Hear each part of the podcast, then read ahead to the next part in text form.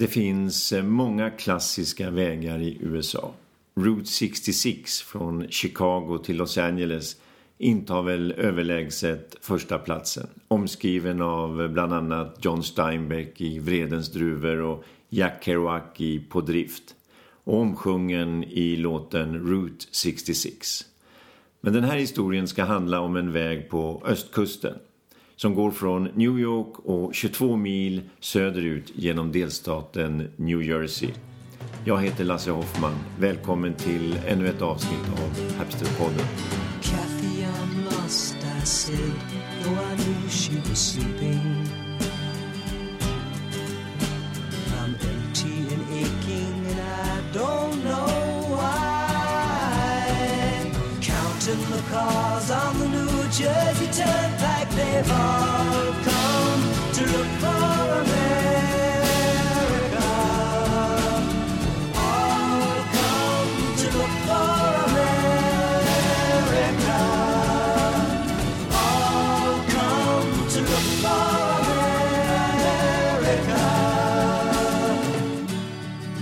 där var slutversen på Paul Simons America. En sång om två unga personer på väg ut att erövra världen. Uppfyllda av The American Dream. Som i romaner av Ernest Hemingway, Scott Fitzgerald eller Jack Kerouac. Men det visar sig att det bara är en dröm. För under resans gång tar cigaretterna slut, de blir uttråkade och det sista de kan göra är att stå vid vägkanten och räkna bilar på Ja, just det. New Jersey Turnpike. Vi har ju varit i Philadelphia och är nu på väg norrut mot New York längs en av världens mest trafikerade motorvägar. Jag kör sträckan New York och Philadelphia någon gång varje år när jag ska besöka vår dotter och fascineras av de ständiga vägarbetena som pågår för att främst bredda denna jättemotorväg. Motorvägar ja, när tidningen Ny Teknik listade 1900-talets största uppfinningar då hamnade faktiskt motorvägen på 29 plats. Och här var inte USA särskilt tidiga. Den första motorvägen den var fyra mil lång och var en autostrada ut från Milano och invigdes 1924. Annars är det väl Hitler och utbyggnaden av Autobahn på 30-talet som man tänker på. I USA skulle det dröja fram till 1937 innan den första motorvägen kunde invigas. Det var Pennsylvania Turnpike i öst-västlig riktning från Philadelphia västerut till Pittsburgh. Men i New Jersey gick det trögare. Motorvägar är ju inga billiga leksaker. Och i ett land där skatter nästan jämförs med socialism blir det ju lite knepigt att finansiera dyra vägar. Det fanns tidigt planer på en snabb väg diagonalt genom delstaten New Jersey. Ner från eh, New York mot Philadelphia och vidare till Washington. Bilismen ökade ju explosionsartat i USA och redan 1930 hade var femte amerikan en egen bil. Först planerade man för en avgiftsfri motorväg genom New Jersey. Men det blev som sagt aldrig några pengar över till det. Så till slut gav man upp och så bestämde man sig för en avgiftsbelagd väg, en turnpike. Och då kunde byggandet påbörjas. Och invigningen den skedde 1952. Redan tre år efter invigningen var det dags för den första breddningen. Från fyra till sex filer. Och så har det fortsatt. Sex filer har blivit åtta, åtta har blivit tio och 10 har blivit 12. Nu är det på långa sträckor som två parallella motorvägar. En trefilig motorväg bara för personbilar, en mixad för bilar, långtradare och bussar. New Jersey Turnpike är ju inte mer än 22 mil lång som avståndet mellan Stockholm och Linköping. Och visst kostar det. Kör man hela sträckan idag kostar det 15 dollar, runt 130 kronor. Och det sitter fortfarande stackare i små bås i avgaserna och tar betalt av de som inte har e-pass. Hyr du en bil så ingår en liten låda som registrerar alla vägtullar du passerar så du bara kör rakt igenom. Lustigt är att de tre filerna som bara är för personbilar, de kallas för expressfiler. Men högsta tillåtna hastighet är ju 105 km i New Jersey. Nu gör ju den täta trafiken att det oftast går betydligt långsammare. Så någon expressfil är det inte tal om. I alla fall inte den del som ligger närmast New York som anses vara en av de mest igenkorkade vägarna i USA. En del kallar däremot den södra delen av Turnpiken för New Jersey Speedway för att polisen har som regel att bara stoppa de som kör fortare än 130 km i timmen. Men hur fort man än kör kör man aldrig ifrån sina problem som Tracy Chapman konstaterar.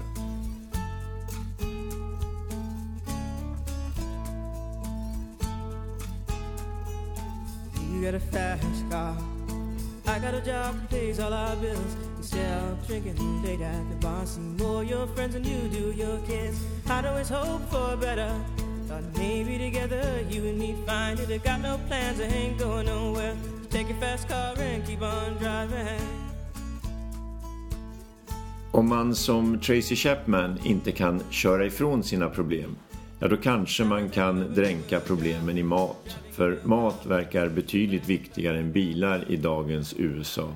Så på de 22 milen av Turnpiken finns det 12 gigantiska rest areas. Viloplatser fast det handlar mer om ätplatser. För här finns alla snabbmatskedjor representerade på mer eller mindre samtliga rest areas. Det är McDonalds, Kentucky Fried Chicken, Pizza Hut och så vidare. Och eftersom mat är viktigare än bilar så har varje rest area längs New Jersey Turnpike fått egna namn så man kan hålla ordning på dem. De har döpts efter kända personer födda eller med stark anknytning till New Jersey. Så låt oss lämna själva Turnpiken och grotta ner oss i de 12 New Jersey-borna som gett namn åt dessa frossarpalats. Skamligt nog, men inte ett dugg förvånande, är bara två av de tolv kvinnor. De två kvinnorna, Clara Barton och Molly Pitcher, är två märkligt fascinerande kvinnor. Vi börjar med Clara Barton. Hon är USAs svar på Florence Nightingale, en legendarisk sjuksköterska från inbördeskriget. Trots ett inledande motstånd från nordstatsarméns ledning så gav hon sig inte och hon fick snart tillåtelse att hjälpa skadade soldater nära fronten. Hon organiserade själv både insamlandet av förbandsmaterial och mediciner och distributionen av det. Och hon hjälpte både nord- och sydstatssoldater. Hon gav sig inte där.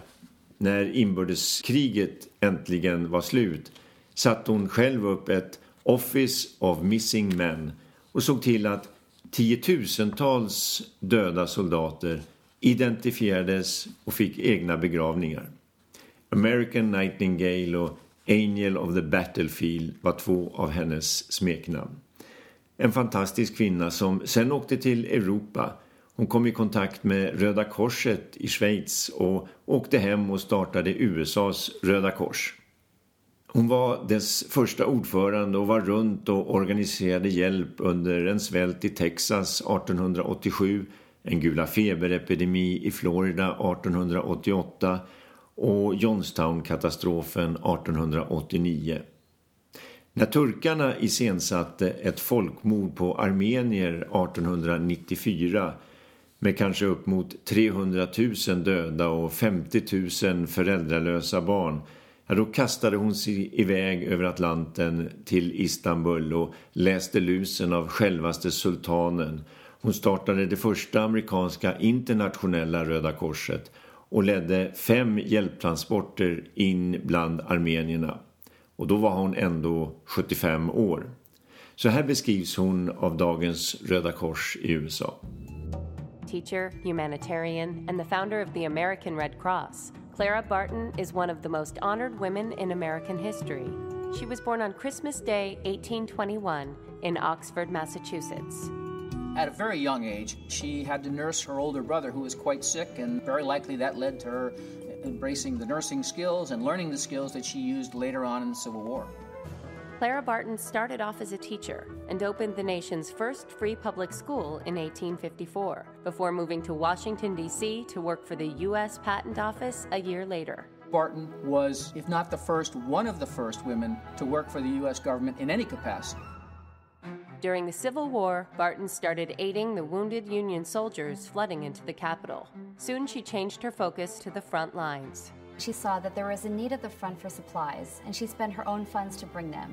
Barton earned the nickname Angel of the Battlefield when she showed up after midnight at the Battle of Cedar Mountain with a wagon load of supplies for the surgeons, and they had long since run out of things earlier in the day. She did that time and time again at small battles and very big battles, including the very bloody Battle of Antietam. There's a story that at Antietam, she was so close to the battlefield that a bullet actually pierced through the sleeve of her dress. After the Civil War, Barton traveled to Europe on her doctor's orders to rest. This didn't last long. While there, she met members of the International Red Cross and joined their volunteers on the battlefield of the Franco Prussian War. Barton returned to the United States shortly thereafter, and she brought this idea home with her. She felt that America needed a similar organization, and so she began the organization in 1881. After founding the American Red Cross and becoming its head, Barton successfully lobbied to have the United States sign the Geneva Convention, the governing document behind all Red Cross societies. This basically made the American Red Cross legit. In 1884, Barton saw to it that the American Amendment was added to the Geneva Convention. That amendment widened the work of Red Cross societies around the world to include not only the battlefield disaster work, but disaster relief in general. Devoting her life to her work helping others, Clara Barton never married. At age 83, Barton retired from running the American Red Cross. Clara Barton continued to pursue her humanitarian interests. She worked for women's suffrage, she worked with religious minorities, and she worked in prison reform. Clara Barton built the American Red Cross from the ground up. She made that organization into what it is today about 30,000 paid employees, over half a million volunteers, 500 chapters touching each and every community in this country. So that when we do something like respond to a large disaster, we embody that great humanitarian spirit that she had. That's her legacy. Clara Barton dog av tbc när hon var 90 år gammal. I dagens USA finns gator, skolor, parker med mera uppkallade efter henne. Och som sagt, en stor rest area längs New Jersey Turnpike där man kan stoppa i sig både hamburgare, kycklingar och pizzor i hennes namn. Den andra kvinnan som fått en rest area uppkallad efter sig är också en sjuhelsikes madam som det rent bokstavligen slog gnister om, Molly Pitcher. Om det nu har funnits eller om det är historier om flera kvinnor som slagits ihop till en och samma, det är lite oklart för Molly, eller som man tror att hon hetat, Mary Hayes, hon kunde varken läsa eller skriva. Sån lyx ansågs bortkastad på flickor på 1750-talet. Hennes man, han var artillerist under den amerikanska revolutionen och Molly, hon följde med sin man som många andra soldathustrur gjorde. Hon tvättade kläder och lakan, vårdade sjuka och sårade. I juni 1778 då har den brittiska armén intagit Philadelphia. Men så går Frankrike med i kriget på amerikanernas sida. Engelsmännen ihop med eh, tyska soldater, runt 11 000 man, lämnar Philadelphia för att retirera mot New York. De upproriska amerikanarna förföljer engelsmännen. Just den här aktuella dagen var hettan ett stort problem. Det var närmare 40 grader varmt och soldaterna behövde vatten. Det är här Molly Pitcher kommer in. Hon och de andra kvinnorna, de springer fram och tillbaka med färskt vatten till sina män under striderna. Det är då som hennes man svimmar av värmen. Och Molly Pitcher kan ju inte bara låta maken John Hayes kanon tystna utan hon hoppar in och tar makens plats resten av dagen.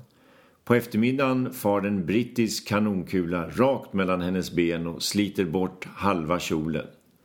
Den där kunde tagit betydligt sämre, ska Molly ha sagt enligt myten, skrattande och så kämpade hon vidare.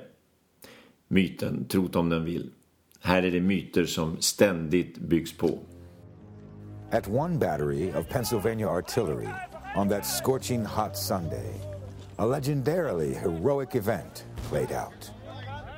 Mary Ludwig Hayes, along with other camp followers, normally served as water girls during training, carrying water to drilling infantry troops on hot days. The cannon themselves always demanded a constant supply of fresh water to cool the blazing hot barrel and to soak the rag-tipped rammer to clear sparks and gunpowder after each shot. Some have said that Mary Hayes earned her famous nickname, Molly Pitcher, during this time. Soldiers would shout, Molly, Pitcher, whenever they needed Mary to bring water.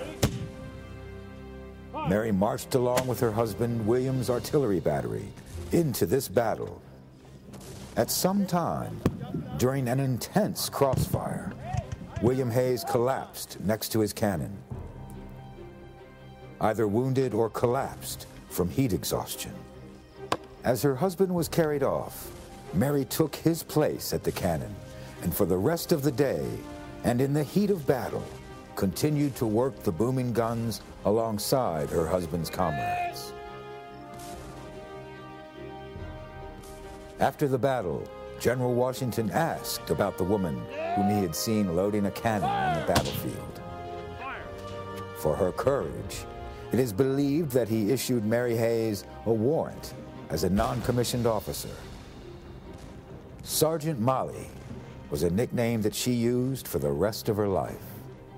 If Molly Pitcher be folklore or history, a legend from the Battle of Monmouth, she remains. Och myten om Molly Pitcher vid slaget Monmouth, en plats som ligger mellan New Jersey Turnpike och Bruce Springsteens Asbury Park, den myten lever vidare och blir väl bara bättre och bättre.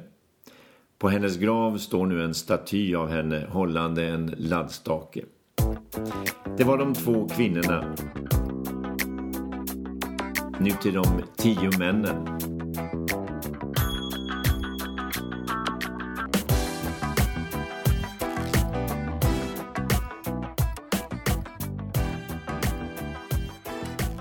Från 1600-talet har vi en man. Det är kväkaren John Fenwick som 1675 grundade en av de första städerna i västra New Jersey. Från 1700-talet har vi tre män, två politiker och en författare. Alexander Hamilton, en av the founding fathers, landets första finansminister och skapare av USAs finansiella system. Och sen Richard Stockton, inte alls lika känd. Han undertecknade självständighetsdeklarationen för, för New Jerseys räkning.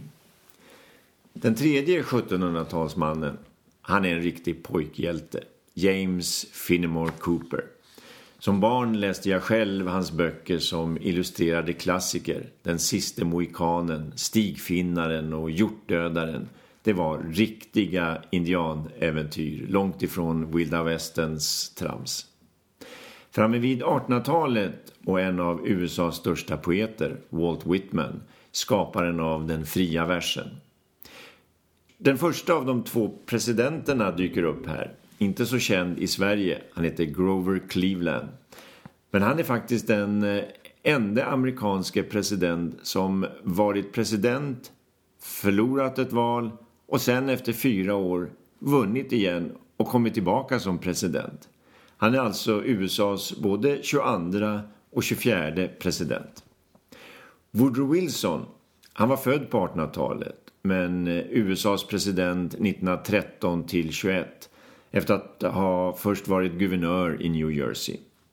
Hade engelsmän och fransmän lyssnat på honom efter första världskriget hade vi kanske sluppit det andra.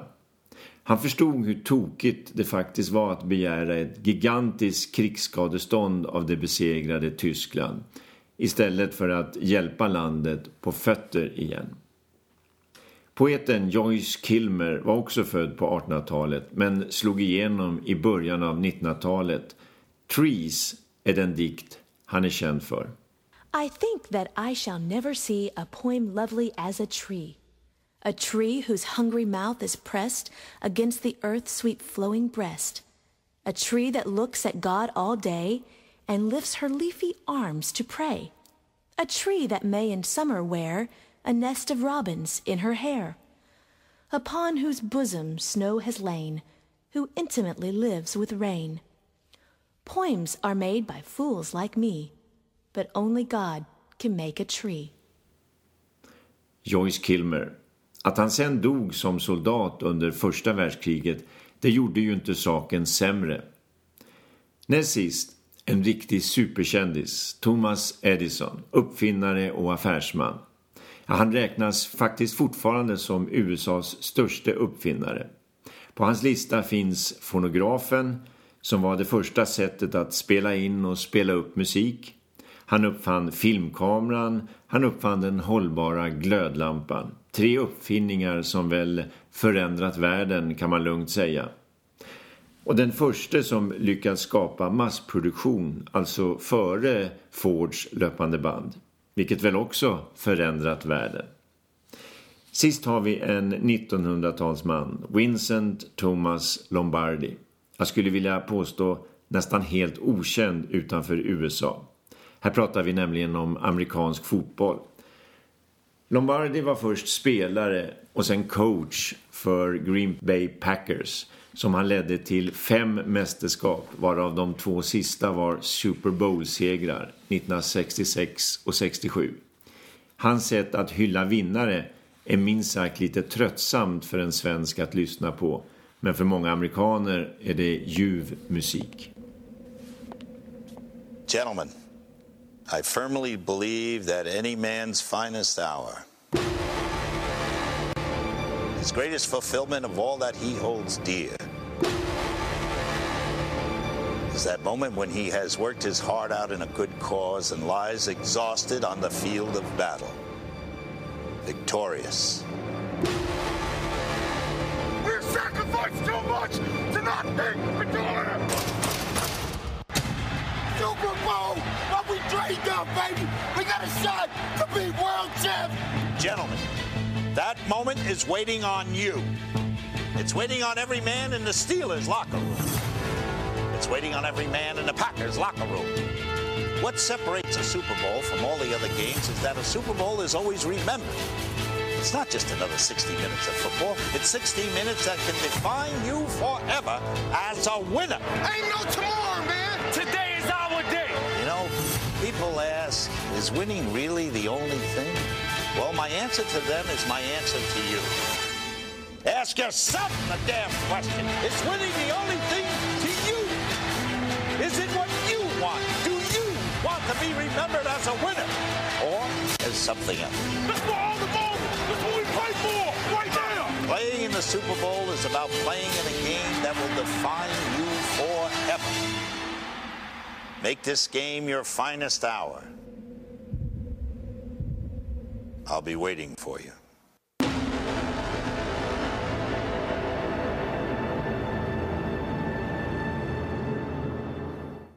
Men nu är det 2017. Tio män och två kvinnor känns verkligen 1800-tal. Så låt oss städa upp i eländet och göra det mera svenskt, så att säga. Jämlikt. Sex kvinnor och sex män. Fyra gubbar måste alltså bort och ge plats åt fyra kvinnor för att listan ska bli okej. Okay.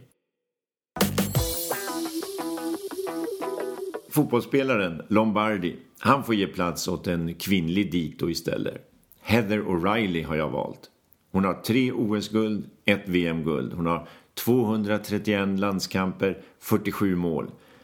Först spelade hon i New Jersey Wildcats, sen i Boston och Kansas och numera är hon proffs i Arsenal. Det känns lite mer modernt, tycker jag. Poeten Joyce Kilmer, han med träden. Honom petar vi bort till förmån för Hollywoods leading lady, Meryl Streep. Hur många storfilmer har hon gjort? Deer Hunter, Kramer mot Kramer, Den franska löjtnantens kvinna, Sophie's Choice, Mitt Afrika, Broarna i Madison County, Adaption, Djävulen bär Prada och Mamma Mia.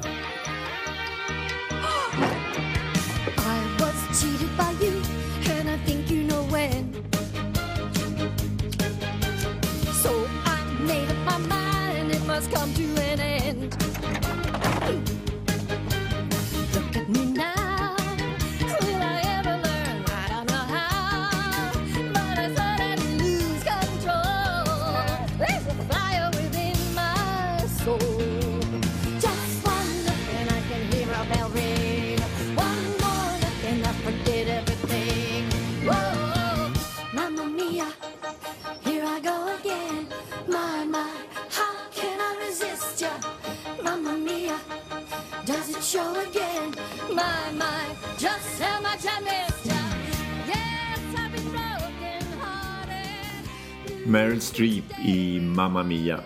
Hon gör sällan eller aldrig en dålig roll. En annan favoritroll det är från filmen Järnlady där hon spelar Margaret Thatcher och scenen där hon läxar upp sina ministrar. Prime Minister, I just don't think we can ask the poorest of the poor to pay the same amount of tax as a multimillionaire. There you go again. Why not? Because. Because people, on the whole, think that the tax is manifestly unfair. Nonsense. Arrant nonsense. This is a simple proposition. If you live in this country, you must pay for the privilege. Something, anything. If you pay nothing, you care nothing. What do you care where you throw your rubbish? Your council estate is a mess. Your town, graffiti. What do you care? It's not your problem. Somebody else's problem. It's, it's the government's problem. Your problem, some of you, is that you haven't got the courage for this fight. No, you haven't had to fight hard for anything. It's all been given to you, and you feel guilty about it. Well, may I say, on behalf of those who have had to fight their way up and who don't feel guilty about it, we resent those slackers who take, take, take, and contribute nothing to the community. And I see the same thing, the same cowardice in our fight within the European Union. Cowardice for the sovereignty of, of, of Britain, the integrity of the pound. Some of you want to make concessions. Some of you want to make concessions. I hear some of you agree with the latest French proposals. Well, why don't you get on a boat to Calais? Hmm? Why don't you put on a beret and pay 85% of your income to the French government? Då har vi två av de fyra nya kvinnorna klara. Jag tycker faktiskt vi hoppar namn som Whitney Houston och Patti Smith. Även om det är starka namn, särskilt Whitney som dessutom skulle vara den första afroamerikanen på listan. Men jag har hittat två andra riktigt skarpa kvinnor istället. Först får Richard Stockton, vars största merit verkar varit att hans pappa grundade Princeton University, åka ut och han ersätts istället av Virginia Apgar. Att kalla henne barnläkare, det är verkligen att förenkla saker. Hon var en pionjär när det gäller nyfödda barns hälsa.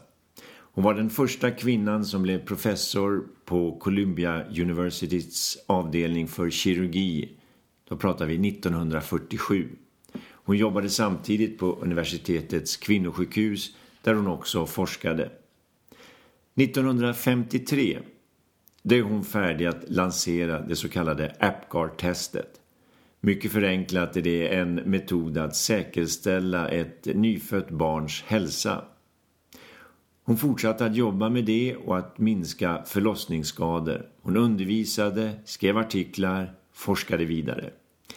Hon kämpade också för allmän vaccinering mot röda hund. Vid den stora epidemin 1964-65 då insjuknade 12,5 miljoner amerikaner i röda hund. Många gravida kvinnor fick sjukdomen och det ledde till att det föddes 12 000 döva barn, 3 600 blinda och 2 000 förståndshandikappade barn. Det var viktigt med allmän vaccinering mot röda hund. Hon blev förstås hedersdoktor, utsågs till årets kvinnliga vetenskapare 1973 och här tar hon emot priset. I have just 20 seconds to do my thing. There's plenty of room in medicine and science for women. I hope it's, it's just waiting for women to come. There are only two reasons I'm here right now. One is if you really count them up, there's seven of eight of us have our names in the first half of the alphabet. Now, this is statistically significant. the reason is I'm quite sure the two million and a half volunteers for the March of Dimes have all been ordered to, to vote for me. I'd just like to mention five people of my teachers who have been and continue to inspire me every day. One is Marielle Kays in Westfield High School Mathematics 100 years ago. Well, not quite. Um, two at Mount Holyoke, Dr. Christiana Smith and Dr. Madeline P. Grant. Two at Johns Hopkins, Dr. Maggie Merrill, and a man, Dr. Victor McCusick. I thank them and thank you.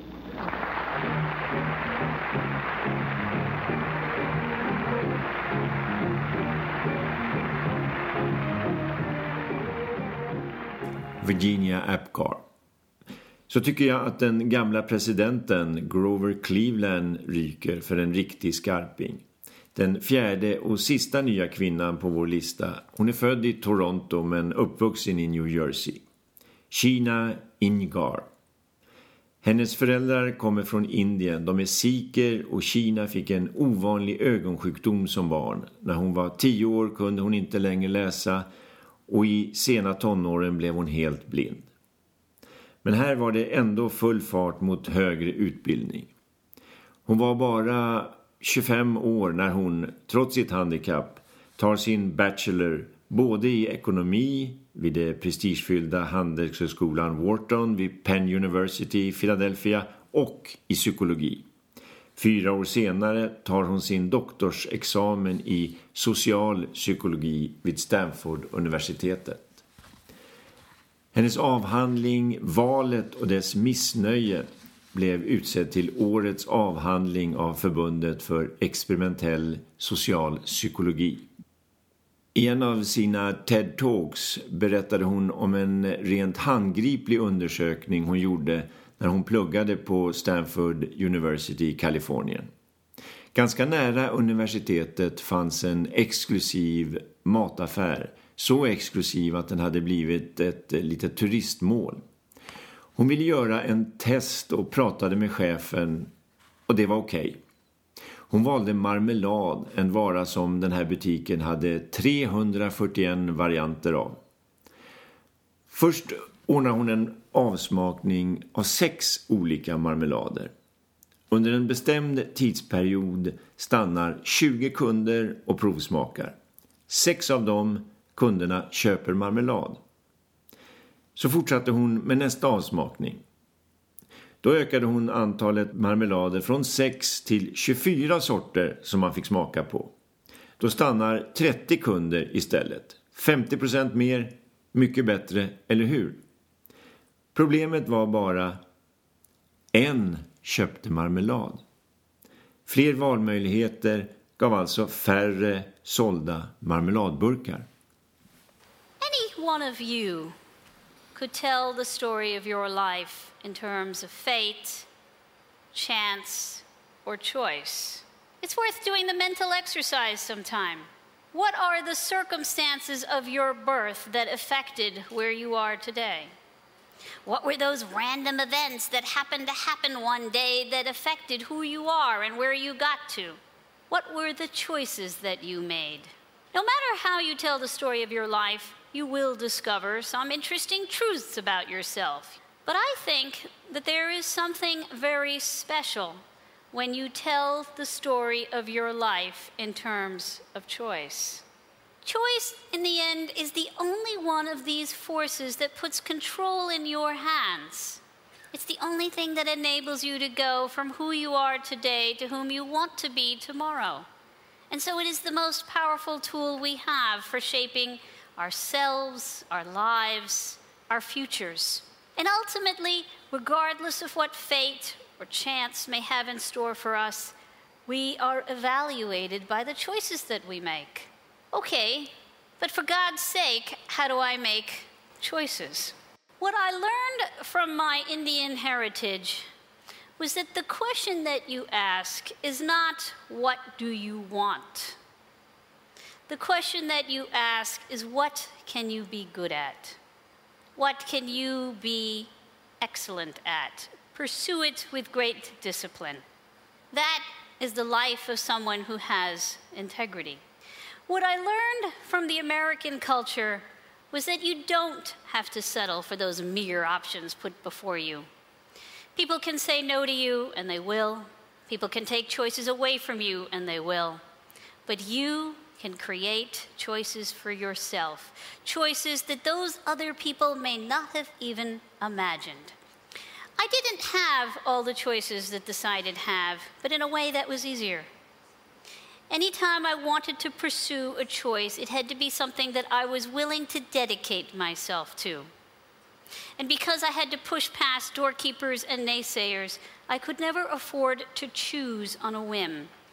And that meant that you had to be choosy about choosing.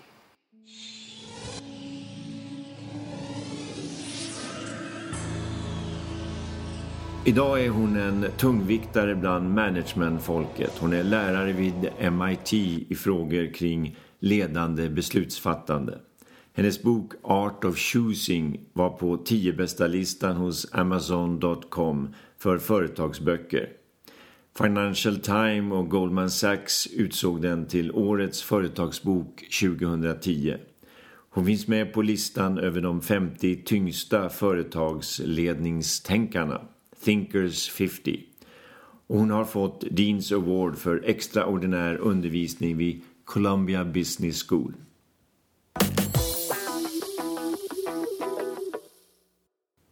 Det här tycker jag blir en härlig och fräsch samling kvinnor.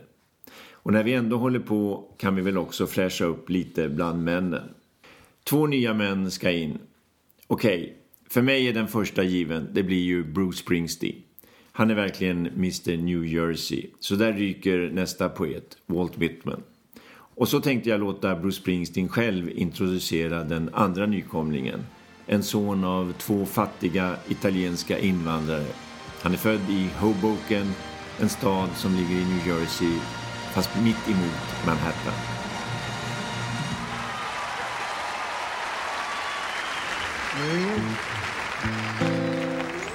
Well, I'm here tonight uh, not just to salute Frank's artistry, but because, well, he is the patron saint of New Jersey.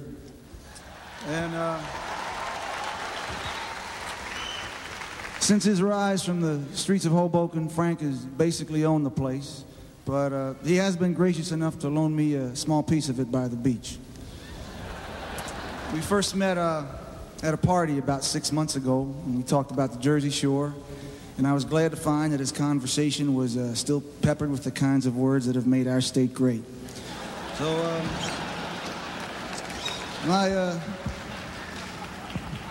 my first recollection of, of Frank's voice was uh, coming out of a jukebox. I was in a dark bar on a Sunday afternoon when my mother and I went in searching for my father. And uh, she said, uh, I always remember she said, she said, listen to that. That's Frank Sinatra. He's from New Jersey. It, it was a voice filled. Uh, it was a voice filled with bad attitude, life, beauty, excitement, a nasty sense of freedom, sex, and a sad knowledge of the ways of the world. Uh, every song seemed to have its postscript, and if you don't like it, here's a punch in the kisser. You know. but uh, it was the deep, the deep blueness of Frank's voice that affected me the most. Uh, and while his music became synonymous with black tie, good life, the best booze, women, sophistication, his blues voice was always the sound of hard luck and men late at night with the last $10 in their pockets trying to figure a way out. Frank Sinatra alltså. Det här var från hans 80-årsfest. Men sen får det vara nog. Nu slår vi igen önskebrunnen och kör vidare mot New York. Utan flottig motorvägsmat. Vi ska ju ändå till New York. Där finns det lite bättre. Och vi gör det till tonerna av Bruce Springsteen och Jungle Land. There's an opera out on the turnpike. Hej då, vi hörs.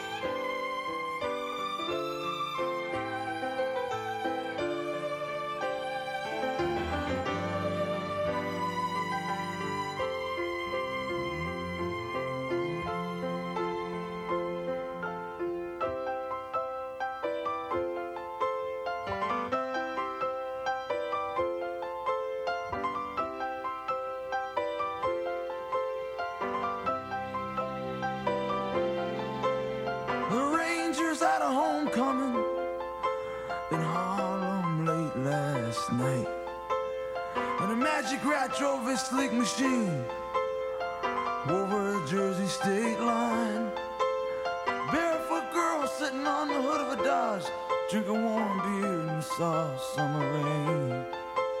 The rat pulls in the town, rolls up his pants.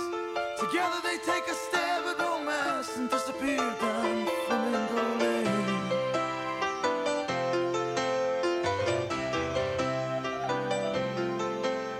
Will a maximum lawman run down Flamingo chasing a rat and a barefoot girl?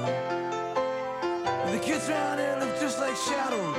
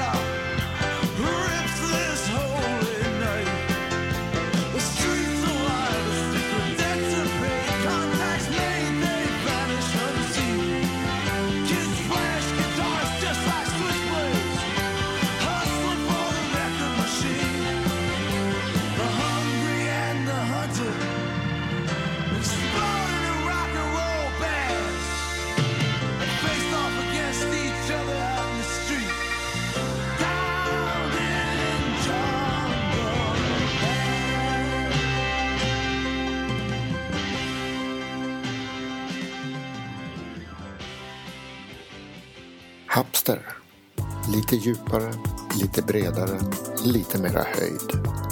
Vi reser i nuet, lyfter historien och fångar framtiden. Vi finns på Facebook som Hapster Podcast. Länkar och extra material hittar du alltid på hapster.se på webben. Och våra poddar finns på iTunes respektive Soundcloud. Tack för att du följer oss.